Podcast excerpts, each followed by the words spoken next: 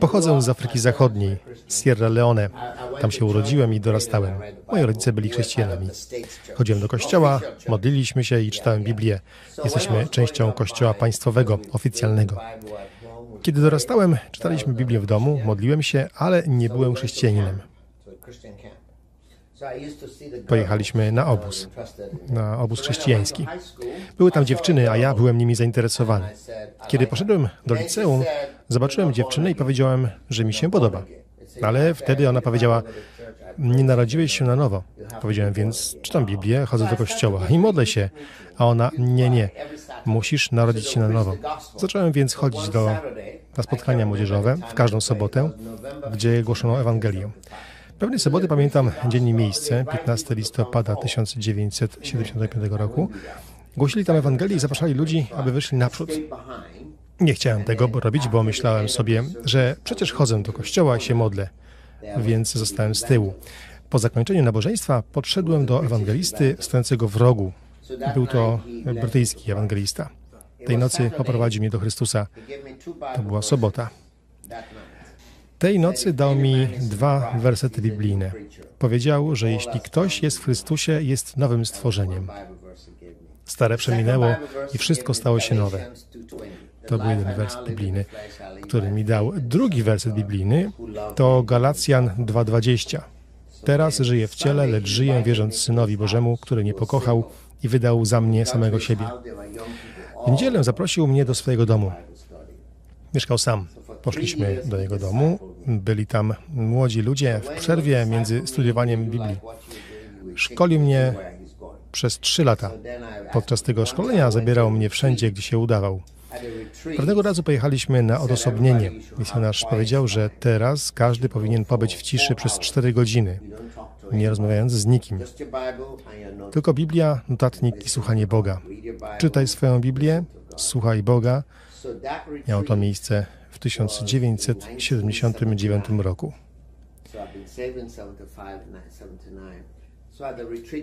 Bóg dał mi wtedy bardzo jasny werset. Nigdy o nim nie zapomnę. Ten werset biblijny pomagał mi przez wiele lat. Czytałem z księgi Nehemiasza i przeczytałem Ezdrasza, rozdział 7, werset 10, który przeczytałem tego dnia, ponieważ nie można było z nikim rozmawiać. Przeczytałem wtedy, że chcę studiować Boże Słowo, chcę być Mu posłuszny i chcę Go nauczać. Powiedziałem sobie, cóż, będę pastorem i nauczycielem. Było to w 1979 roku w Sierra Leone. W następnym roku, w 1980, pojechałem do Liberii, kraju obok. Jeśli spojrzeć na mapę Afryki Zachodniej, to mamy Sierra Leone, Liberię, Ganę, Wybrzeże Kości Słoniowej. Pojechałem więc do Liberii na studia biblijne na 4 lata. Po czterech latach zorganizowałem pewien wiec studencki. Pamiętacie, jak powiedziałem wam o jednej dziewczynie, z którą chciałem się mówić, a ona powiedziała, że nie narodziłem się na nowo? Zobaczyłem ją na wiecu i powiedziałem, że teraz jestem chrześcijaninem. Zapytałem, masz chłopaka? A ona na to, nie, nie mam chłopaka. To było w 1982 roku, kiedy ją zobaczyłem. Potem ukończyłem czteroletni college biblijny. Ożeniłem się i ukończyłem studia biblijne. Dawno temu jestem starym człowiekiem. Ukończyłem kolegium biblijne 14 czerwca 1984 roku w Liberii. Szkoła nazywała się African Bible College. Możecie sobie to wygooglować. To szkoła, do której warto pójść.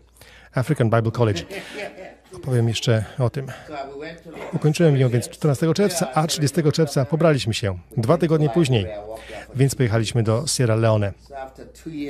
Pobraliśmy się, przyjechaliśmy do Liberii. Pracowałem tam przez dwa lata. Po dwóch latach w Liberii przyjechałem do Ameryki w 1986 roku, aby pójść do seminarium w Jackson, Mississippi. Kiedy byłem w seminarium, urodziło się moje pierwsze dziecko, Angela. Więc wróciłem. Robiłem to, o czym mówiłeś, nauczając w Bible College e, edukacji chrześcijańskiej i Biblii. Mieliśmy tam program radiowy. Potem w Liberii wybuchła wojna, tak jak na Ukrainie. Nadeszła wojna. Podczas wojny zostałem pojmany wraz z żoną i dwójką dzieci. W tym czasie mieliśmy dwoje dzieci, dwie dziewczynki. Mam dwie córki, jedna urodziła się w 86, druga w 88 roku.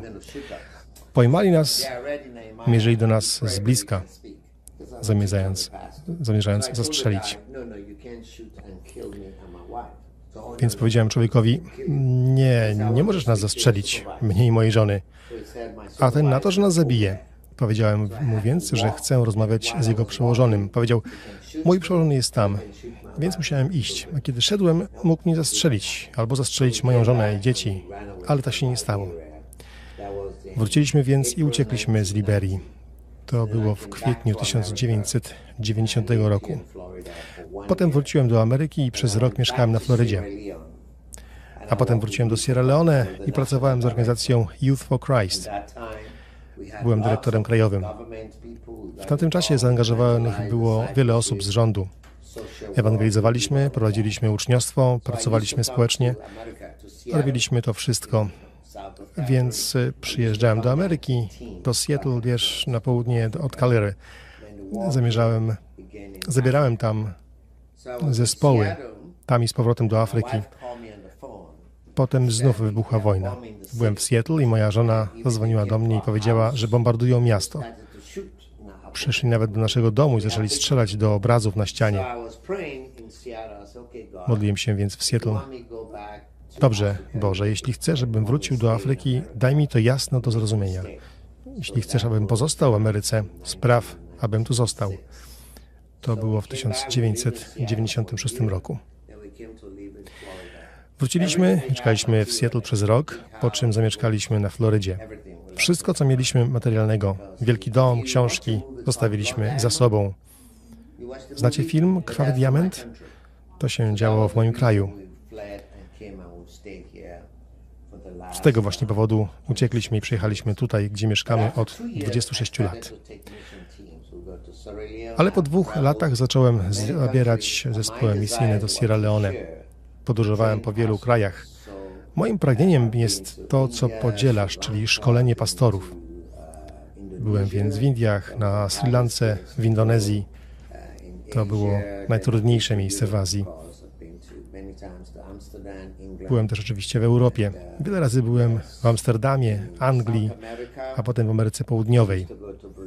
Jeździłem do Brazylii, Peru, Kostaryki, Dominikany, do wszystkich tych miejsc, by pomagać szkolić pastorów.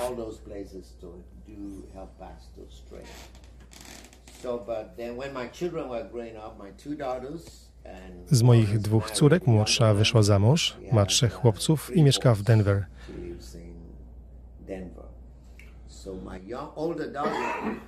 Moja starsza córka jest kierownikiem projektu. Zawsze projektuje. Jest kreatywna. Jest w ciąży od 20 tygodni. Zaprosiła więc wszystkich na rozmowę na Zoomie, aby pokroić tort, że powinniśmy uczestniczyć w narodzinach dziecka. W październiku spodziewa się chłopca. Moja żona zawsze była zaangażowana w społeczność ewangelizacji dzieci, więc szkoliła wielu w naszym domu w Afryce, również tutaj. 18 jedzie do Ugandy, aby prowadzić szkolenia, ponieważ sam kiedyś tam jeździłem z, innymi, z innym pastorem i wyszkoliliśmy około 500 pastorów. To są teraz pastorzy, więc jedzie w tym miejscu, aby szkolić tych, którzy pracują z dziećmi. Uwielbiam Northland. Dał mi wiele okazji do podróżowania po całym świecie i szkolenia. A potem, kiedy drugi pastor odszedł, miałem dwa lata, aby być, aby tu przewodzić. A Joe był jedną z tych osób, które modliły się za mnie i wysłały mnie tutaj. Joe powiedział, że tak, że wie o tym. To był mój najtrudniejszy okres w służbie, te dwa lata w Northland. Było dużo polityki i dużo zamieszania, więc modliliśmy się i modliliśmy. A ponieważ ja zajmuję się misjami wraz z Mattem Charles, pracujemy razem. Teraz mamy pastora Josha, który ma doktorat z misjologii. Mam więc do, okazję do szkolenia. To jest moja historia. Macie może jakieś pytania? Dziękuję.